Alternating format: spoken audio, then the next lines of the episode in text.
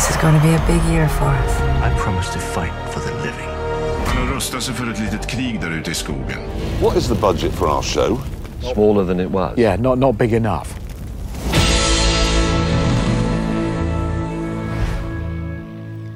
Hi and welcome back, I should say, to Streaming Podden, uh, episode 48, and uh, we can call this kind of a restart or a reboot, not because of a blue screen, but more of an uh, update. We can call it that. Um, so the the new thing, of course, is that uh, we are in English, uh, meaning that even though you're not native Swedish speaker, you might understand what we say. We hope. Um, the thing that is the same, it is uh, with me, Jonas Birme, and Magnus Svensson from Eyevinn Technology.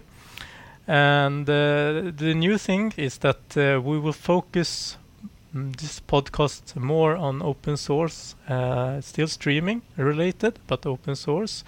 And uh, uh, we will have guests participating in the in the episodes. And uh, today we have uh, Anders Åberg as guest, who will be introduced a little bit more later on. Um, but before we start, uh, Magnus, well, how do you feel about the comeback?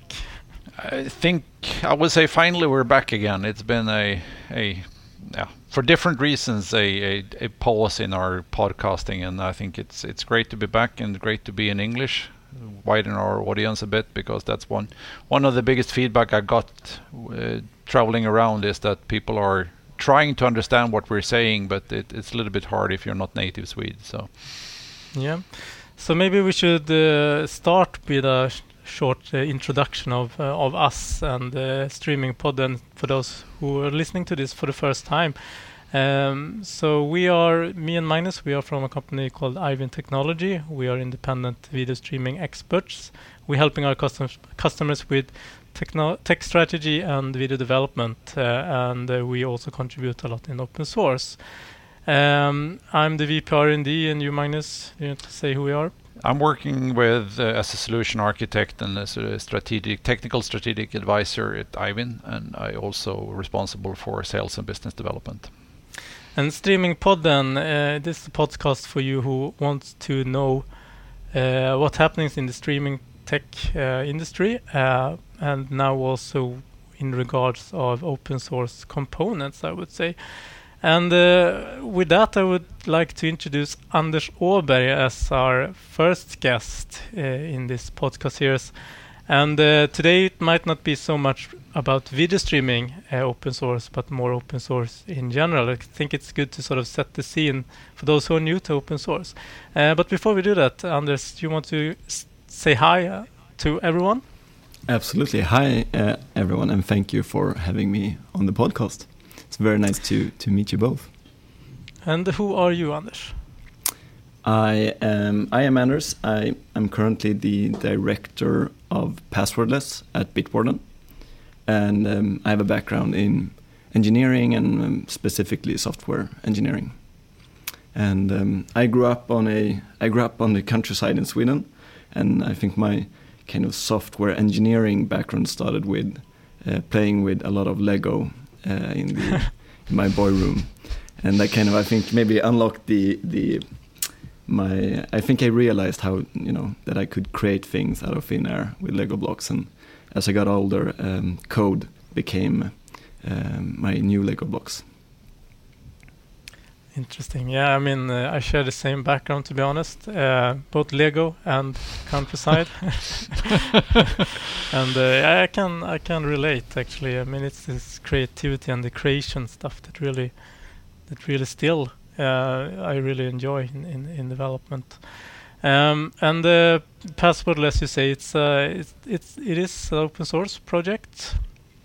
Yes, it is. It it started as a experiment, I think uh, maybe five years ago, uh, where I wanted to solve the problem of solving into a website using um, my fingerprint, and um, um, and I just started researching about five years ago and started working on a open source project um, that implemented some of the um, the web standards that were being developed back then, uh, which are now official and, and, implemented by browsers. But back then it was very much experimental, and you had to download a a um, preview version of, of certain browsers to get started. So um, it all kind of started from that same Lego uh, creativity and just exploring and see what was possible um, to create. Mm, and something someone haven't done already, which is exactly yeah. Back then it was it was very new, but and the way I, I like to explain what passwordless uh, is and, and, and have you have you ever logged in with using passwordless technologies? Any of you? I guess I have. have they been in the form of, of doing an email or or that kind of solution? It's been a little bit of both, I would say. It's a little bit of QR codes or email, or depending on if you're connected to the face recognition on iPhones. And yeah, been, yeah. I've been trying a few, and I, I really appreciate it because I hate passwords. then we have something uh, in common, I think. So the way I, I try to explain it to my mom is um, it makes it as easy to log into a website as it is to unlock your smartphone. And I think that the that's the description that most people will. That's how they will use passwordless authentication. And for for the more technical people out there, there's of course a lot more to talk about in terms of security and and other benefits. But I'll I'll say that for for later. Are, are there any sites? Uh, there are not that many sites actually implementing it uh, today, or or do you have an example? It's still it's still early days. I mean, I started working on it five years ago, so of course it's it's happened a lot and it's moving a lot faster. Um, I would say kind of for each day now. Especially last year was a big year for for passwordless authentication. Um, but more and more, I think Apple announced uh, support for Apple ID and, and, passwordless authentication in terms of uh, using web authentication, which is the, the new standard that is emerging. Mm. Um, and also, I think Google supports it and, and other vendors. But it's um, it's a bit more on the um, power user uh, side of the spectrum yet. I would I would really see some streaming service implemented in the near time. That would be that would help, I think. Yeah, I, I, can imagine. I think that that would be really appreciated, especially if we can sort of. I, I understand it might be harder, but solving it for a big screen or a smart TV or something like that as well, because I think that's where you have mainly face the hassle of, of trying to use a remote control and, and typing in a long password, and then you get logged out in, in every now and then, and so I guess I guess you could have a fingerprint uh, reader in a remote control, right? Yeah, or at least a QR code that makes me sort of use my face recognition on my iPhone to log in or something like that. So it, it's mm. because the hassle of a remote control combination with passwords are not perfect. Yeah, I, I can just attest to that. That the um, the worst place to enter a, a password is uh, when trying to access your streaming service uh, on the TV. It's by far the most irritating login I need to do, and seem to yeah. do a, need to do a lot. Um, I don't know the. I think it's some industry. Um, um, the the industry is kind of cracking down on password sharing. I guess. Mm. Yeah.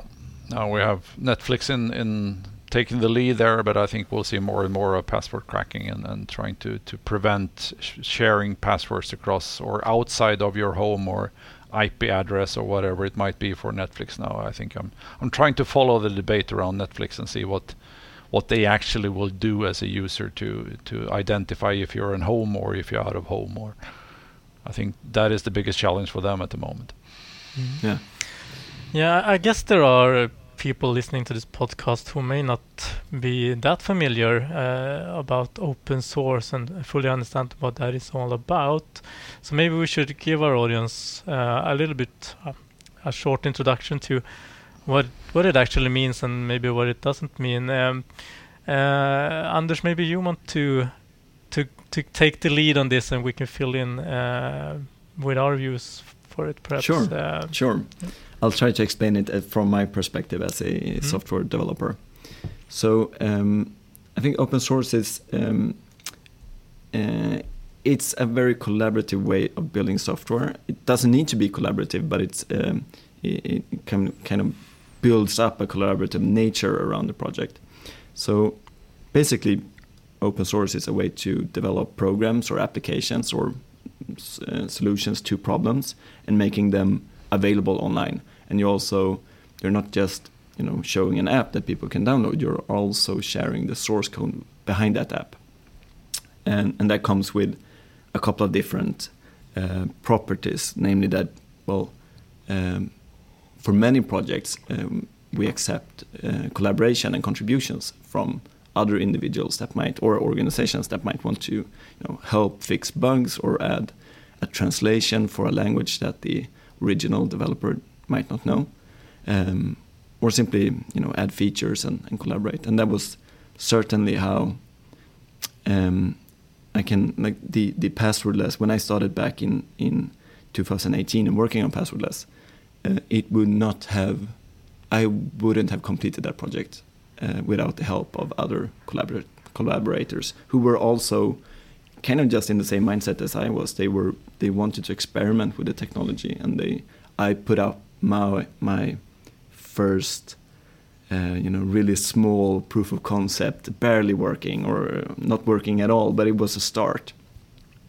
And I put that out online, and then uh, people join in and uh, and kind of helped build it out to what it is today. And I think uh, I, I, actually like I shouldn't go on record to claim it, but I think we were one of the first um, solutions that, that, had a hundred percent uh, conformance test um, back then. Now I'm, I'm, sure there are, are more, but uh, and that just wouldn't have been possible to do for me alone. Mm. Yeah, and and uh, if you are considering uh, using an open source project or, or a component that is that is open source, uh, what are the what are the what are the benefits for that? Uh, I mean, the the obvious one, of course, which I think everyone is thinking, is that oh, it's it's free, but is that uh, the only reason? No, no, I wouldn't say, um, and and that's not always. I think that's not always the case. Also, there are there are many different business models within open source, and maybe we can dive into those later. But um, I think when you're working with with something that is open source, I think uh, you you need to do the same questions that you need to do with any other component and that you integrate. So um, working with an open source um, solution or software isn't a magic bullet, but um, as a company that uh, that uses it, you need to ask yourself can I trust the developers behind these? Uh, and you need to um, you know think about um, will they be around to support it? Um, however and those are the questions you ask yourself about any software component that you buy or incorporate. But with open source um, for example can you verify you know do you trust that developer or supplier? That's a question you always need to ask. But with open source um, and you can also you can verify that trust. So mm. You can, if you're technic, you know, very technical, you can audit the source code yourself and look. Mm. Do I see any traces of of uh, mistakes or bad quality, or do I actually see high quality?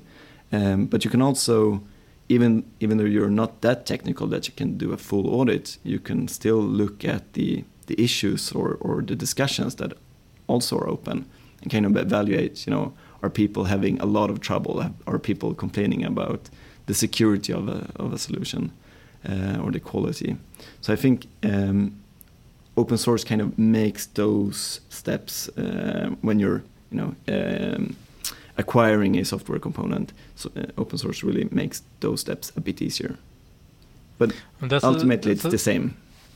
Yeah, I mean it's a very good point as you raise. I mean, of course, you when whatever type of thing you procure uh, or you want to introduce into your system, you need to have a trust in it. Uh, and either you have gained the trust by a very confident person telling you this is all right, we will take care of everything. Uh, with this, you have the option to also validate that if you have the competence, or you bring in someone else who has the competence to validate that for you. Uh, but you have the options. You are not locked into only needing to to rely on what that other person says. Uh, Magnus, you are you are often in talks with with uh, with uh, technical directors and architects, and and when when they are drawing um, designing a solution. What what is your um, how is the general notion about using open source in in those solutions? Would you say?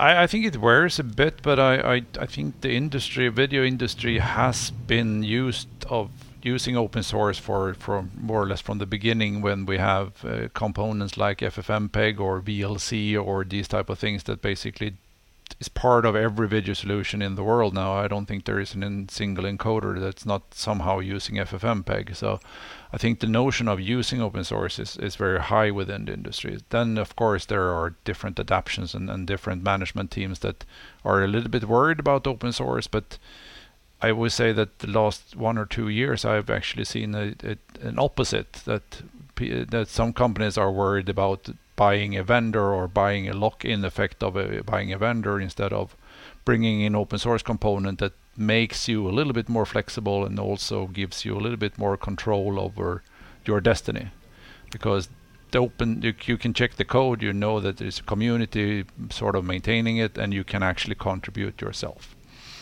so I, I would say that the, the industry is quite open to using open source and it, it it's growing.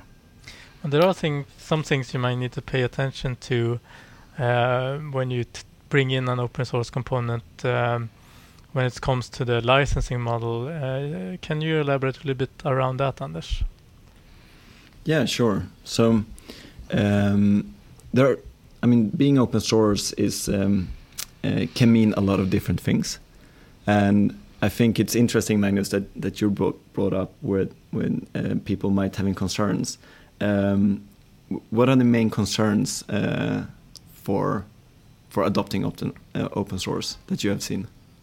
I would say that the main concern is is, is lack lack of trust of, like you mentioned. You need to understand. You need to trust uh, that it's still maintained. That It is not a hobby project that will sort of eventually die out or or these type of things. Or I, I remember my, my old days at Ericsson, we we did a quite deep analysis of the open source and the lock-in effect of it and these type of things. But I would say the cons- the main concern is that also that you're sharing your sort of key the, the the value you bring to the market. If you're sharing that as an open source, you also share your deepest secrets, which is not true, right. but I think that's one of the concerns. Right. Yeah, because uh, kind of adding on that licensing question. Well, I'm not a license expert um, by any means. I'm, I'm, more of a software developer, so my lens will be through that perspective. But um, I mean, open source is, I think, maturing, and it, it has happened a lot over the last 10 years where um, there have been a lot of experimentation and kind of uh, iterations on how to do licensing, where we came from from the kind of the FOSS, like free open source software, where everything was free and you could do basically whatever you wanted to do it. Or you might even be, if you're using this, you must also be free and open source, and you you can't do anything corporate. And will, and I think the, the kind of the overall industry has matured to having more. Um, I'm, I'm, looking for a better word than sustainable, but other way to, to do licensing, so you can do both open source and be a profitable uh, corporation. So while you might not be sharing your, uh, you know, your patented algorithm um, free and kind of losing that secret sauce, uh, you can still make the source code available. And and I think there we're we're still early, but we're seeing some different business models emerging from maybe something that starts open source and and um, and becomes a corporate and I don't think we're at the end station, but I think a lot of good things has happened the, the last couple of years. Yeah, I agree with you, and I, I think that also partly of the this, the sort of the worry about sharing your secret sauce is, is getting a little bit less of a worry for most of the, the, the vendors now or the, com- the companies, but still there there are some flavor of it that that is still out there that that you need to sort of open up your whole wallet with with secret sauce for for the world to view but it, it's absolutely not like that. You should still keep your open source where maybe it's not your core business and you can still have certain parts to your to yourself yeah and i think uh, as you say there's uh, it doesn't need to be black and white it can be a spectrum where um, well you might have some uh, building blocks of the technology being open source and kind of being developed by multiple different contributors. And I think that's the case for many of the underlying and kind of world leading technologies that we take for granted today, for example, like Linux or, or you know WordPress started out being open source, and the Apache web server, which um, I believe was the largest web server uh, in the world, and, and I think Nginx, Nginx is probably also open source. So we have all these great building blocks being open source um, and utilized to create you know new solutions and business values. Um, but not all um, kind of end products need to be open source to be able to yeah, work on those. For example, FFmpeg, which uh, I guess is open source and is critical to delivering uh, any type of video solution today. I'm guessing you being the experts.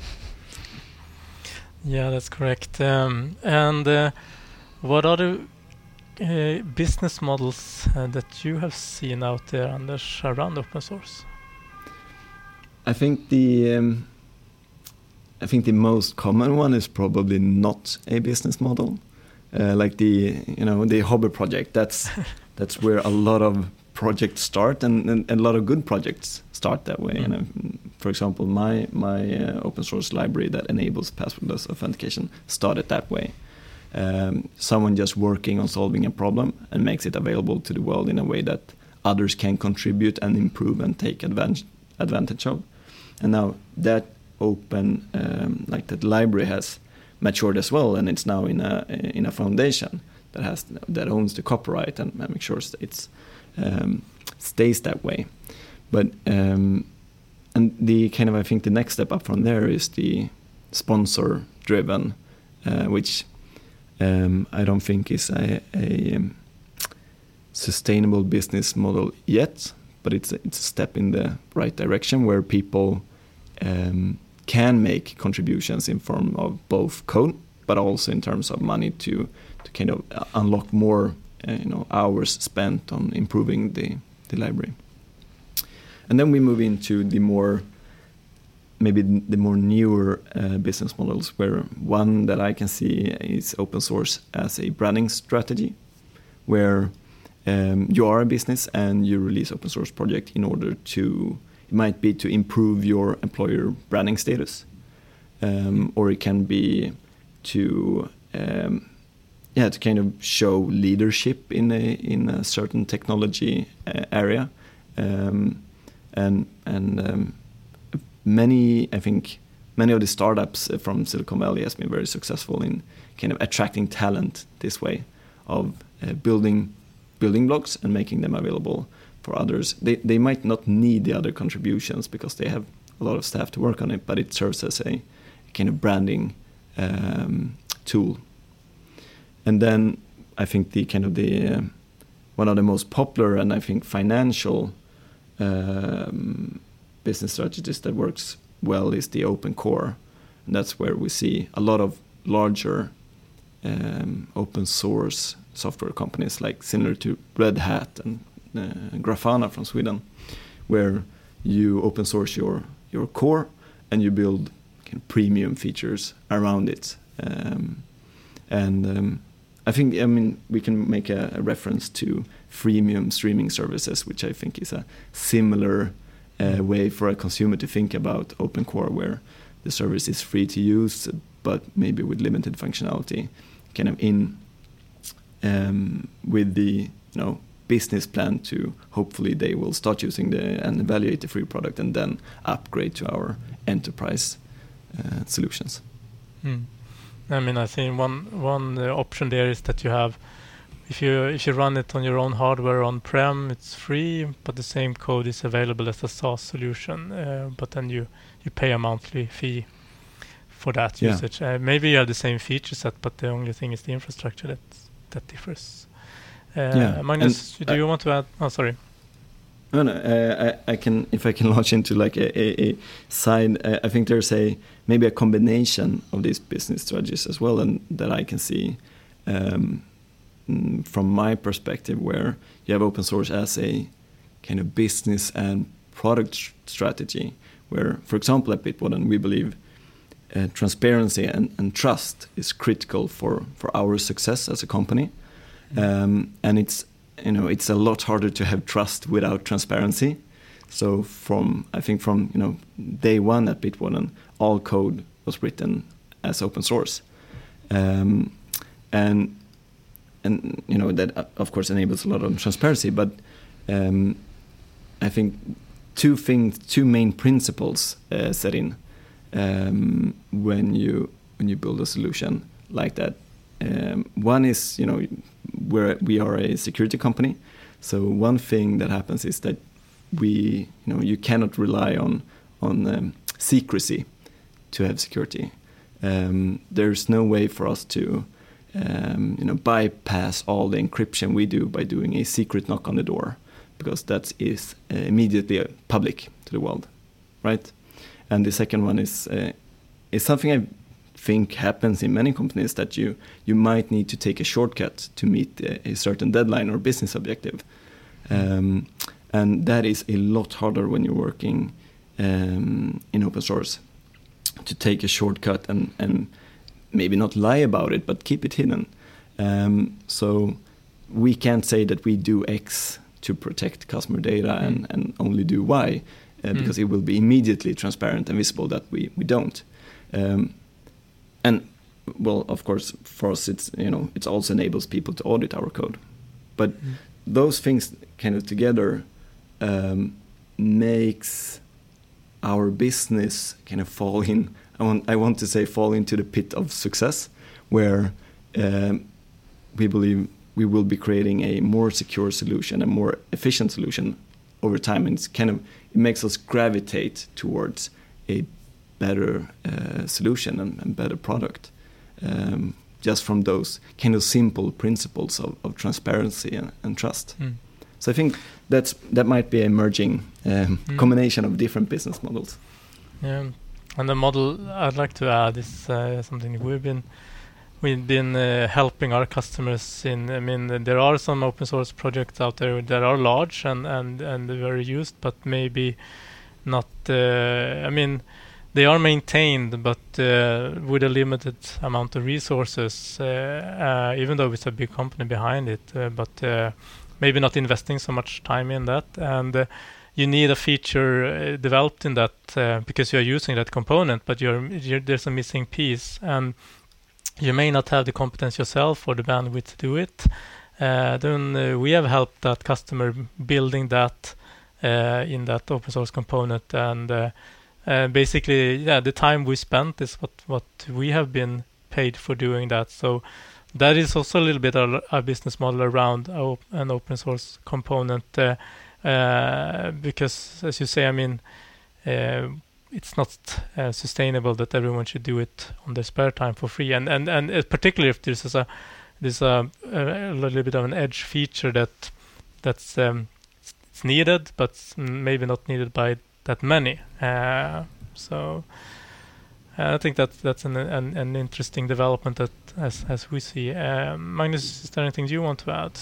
No, I think you've covered a lot, but I definitely see a growing amount of different, and, and like you mentioned, Anders, there are a lot of companies that grown out of open source and then adding a sort of a premium tier or supported version or premium version out of the same software. And uh, we have, Linux is probably the most famous one there, but there are tons of these in also in, in also in our industry, like Varnish and, and NGINX or all these type of things where you can actually pay for getting a little bit more support and, and getting a premium version of it. So, I mean, uh, you, you mentioned a little bit briefly, Anders, about uh, your open source project and how it was now acquired by Bitwarden. Um, if someone else is sitting there with their hobby project and uh, maybe want to migrate migrate that over into a a way that they could spend more time with their girlfriend uh, or whatever. uh, what would be your um, how would you do it? What's your suggestion? What's your experience who have done this now? I've um, yeah, I, I, hope I can share. I, I don't think I have any you know silver bullets to share with anyone, but I think um, when thinking about how passwordless came came about and you know how it ultimately like, um, continued with, with Bitwarden. It's it's uh, you know a tech story with a happy ending uh, in the terms of um, I didn't start it with um, with a goal of selling it. It just started of an experimentation. I think this is where many developers also start their their, their open source project. They just want to solve a problem, and it, it kind of grew with contributors who were also excited about solving the same problem. And that's and and I think after a couple of years of working on this open source engine, um, I did the kind of traditional step of building premium or it's not premium per se because we we still enable free free use cases, but we um, I started building a service surrounding that kind of in the kind of open core fashion where there's a free library, but uh, I also offer a service that kind of helps companies save a lot of time in in implementing this new secure technology and make it very easy and fast and, and kind of you know round around the edges. So um, and then I just kept on building their product and making it easy for people to use and trying to get people to use it. Um, and then, um, in terms of being acquired, um, the uh, you know the it, it, all kind of started with sending an email to to uh, Kyle, who is the uh, chief technology officer at Bitwarden, and I didn't have the intention to uh, to be acquired. I I, I read that they were going to um, develop things within the passwordless arena or, or, that space. And I just sent an email because I'm I was already a paying customer of, of Bitwarden, and I thought it was exciting. And I emailed him and asked him if he wanted to have a, a uh, Swedish fika, a cup of coffee, and talk about it. Um, and it turns out that you know our values align and that we were both kind of excited about making um, making the world more secure. And, and I think a, a, saying I think that we share is, you know, uh, can we um, can we imagine a world where, where nobody get hacks? And, and I think it's very exciting to be part of building uh, that world where nobody gets uh, hacked and their photo stolen or you know, mm. their uh, parents uh, phished or tricked to mm. to send money somewhere. So um, yeah, it's I think it's the it's the typical maybe story about building an open source project and, and having a bit of success for it. Um, but there's there's really no silver uh, bullet to, to making it uh, making it work. It's just work with something you think it's is fun, and then if you're lucky, uh, I think the, the rest will kind of come along. Yeah, but I think it's uh, it's always good to see these examples. Uh, it's like it it may be uh, um, helping um, also these hobby projects to be started as well. If you if you see that, I mean, it might be worth uh, doing this, uh, trying this out. It it could actually end up somewhere. Uh, you never know. It's worth trying at least. Um, so that's it's really ins inspirational in that sense. I would say, uh, coming also from a developer background, is is as you say, you you want you see there is an there is a spot where you need where there is someone hasn't done it and you want to experiment on it and and uh, you know this is something that might be beneficial uh, but you don't know that as well so you give, give keeping it open that gives you quick feedback feedback as well i would say yeah and i, I don't know if um, i wouldn't recommend anyone going into open source um, with the intention of getting acquired, I think that will be and, and not enjoying the the project that you're working on. I think that's a, a recipe for um, a lot of late nights and, and a lot of unhappiness. It, it really helps if you're if you're working on something that you think is is fun or or important. Yeah, yeah, it's probably similar when it goes into being a musician, I, I would guess, or an artist. Uh, do it if you love it. Otherwise, you should do something else. exactly. Exactly. Um, right. Um, before we we uh, conclude uh, or close this uh, episode, uh, and uh, of course, thank you for for being as guest here, Anders. Do you have any open source projects? It doesn't have to be streaming related that you would recommend our audience to to have a look at? Uh, yeah, sure. So uh, it's uh, I, I tried to to pick some examples that might not be only for software developers, although uh, of course um, that's my main uh, point of experience. But I think there's there's a couple of interesting there's thousands of interesting projects for software developers, and most people most software developers already know about them. But I think for there's one quite interesting project for for cars um, which is called Open Pilot, which mm-hmm. adds kind of self-driving or, or uh, automated assist features to a number of car brands. Um, I think it's an interesting. It's a lot of collaboration happening, and uh, I think it's a, it's an interesting use case for for open source where people can you know um, add support for their Honda or or their mm. Volvo. Um, and um, other examples would be, I mean, op- I think open data and open source goes hand in hand, and I think maybe there's a larger, I think, societal movement towards open data mm. and combined with open source. So uh, I know that New York Times published all their COVID nineteen data on GitHub, kind of live as they gathered it, and make sure they so they published all all their um, CSV files and different filterings and groupings and per county in the US mm. and so on. Mm.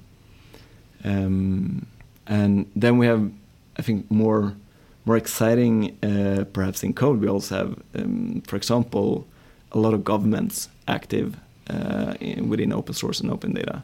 So on GitHub there is a repository for or an organization for the Australian Antarctic Division, mm. who uh, maintain uh, projects that you know can help. If, um, I, I found one where they do diagnostic plots for fisheries assessment models, which is very niche, and also they have a tool to generate maps over the Southern Ocean. But those tools, I mean, they, those tools are now kind of in the open, and you're able to look at how they are built, and, and uh, depending on the license, you can use them straight away, or you can contribute features to them. And I, I've seen this happening in research. My my partner is um, uh, working as a um, biologist, and they now need to when they do a study on, on animals, they need to publish our, all their source code for all statistics uh, together with the uh, study to you know make sure their uh, R programming or statistics were calculated in a in a good way.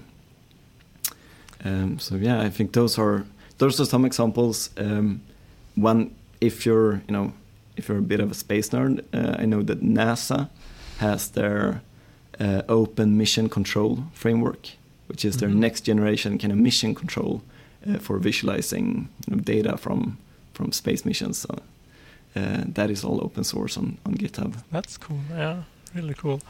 Um, and I think that I mean um, when it comes to the open pilot, you mentioned the uh, transparency in that area. Uh, I think transparency in, in AI in general is very important. It will become more important to to actually understand or or be able to understand what uh, things are doing and uh, maybe not not being able to hide uh, flaws basically or or getting help finding flaws.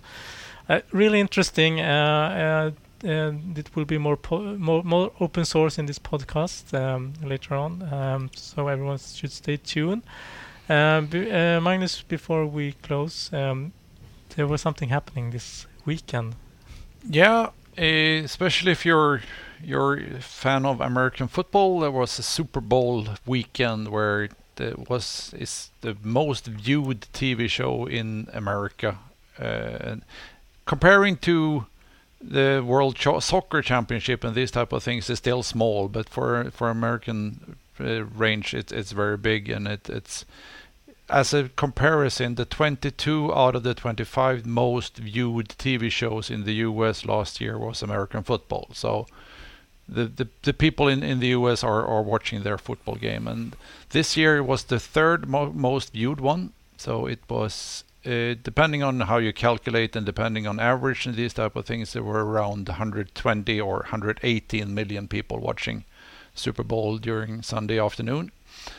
Still, a fraction is watching it on streaming, which we working in streaming it feels a little bit awkward, but it's still around 7 million people watching it through streaming and 113 watching it through cable TV or over the air.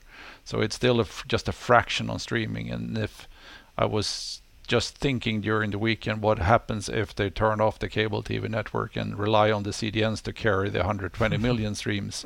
I don't think it will happen. So, but it's it's quite interesting. But the range of people actually watching it, if you look at the Nielsen figures for it, when Nielsen are doing Nielsen rating, is basically how many percentage of the total um, uh, addressable market of TV are watching it and was 40%. So 40% of the TV households were watching American football.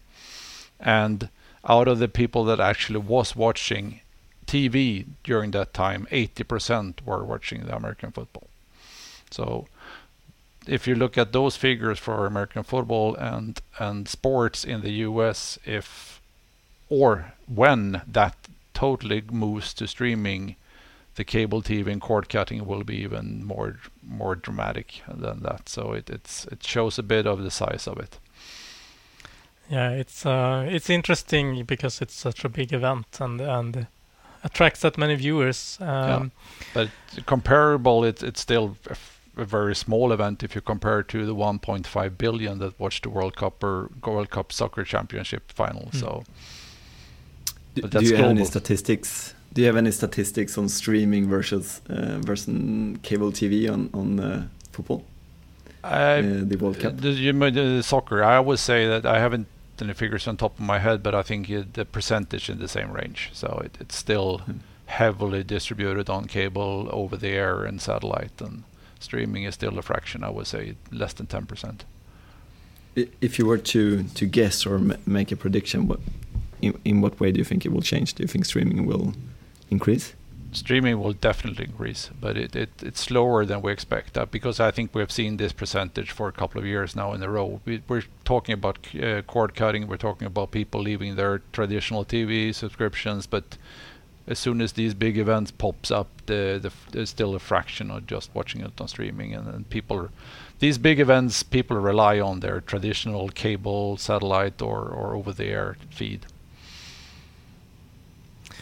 Interesting. Yeah. All right. With that, uh, uh, interesting facts. Uh, we we say thank you for uh, Anders, who was our guest today, and uh, for everyone that was uh, listening or is listening to this podcast. And we hope to have you all back again and listening on our ne next episode. And with that, I just wish you all a great day from all of us. Goodbye. Ni har lyssnat på Streamingpodden. En podcast för dig som är intresserad av streamingteknik och nyheter i området. Programmet produceras av Ivin Technology, leverantörsoberoende specialister inom videoteknik och mediedistribution.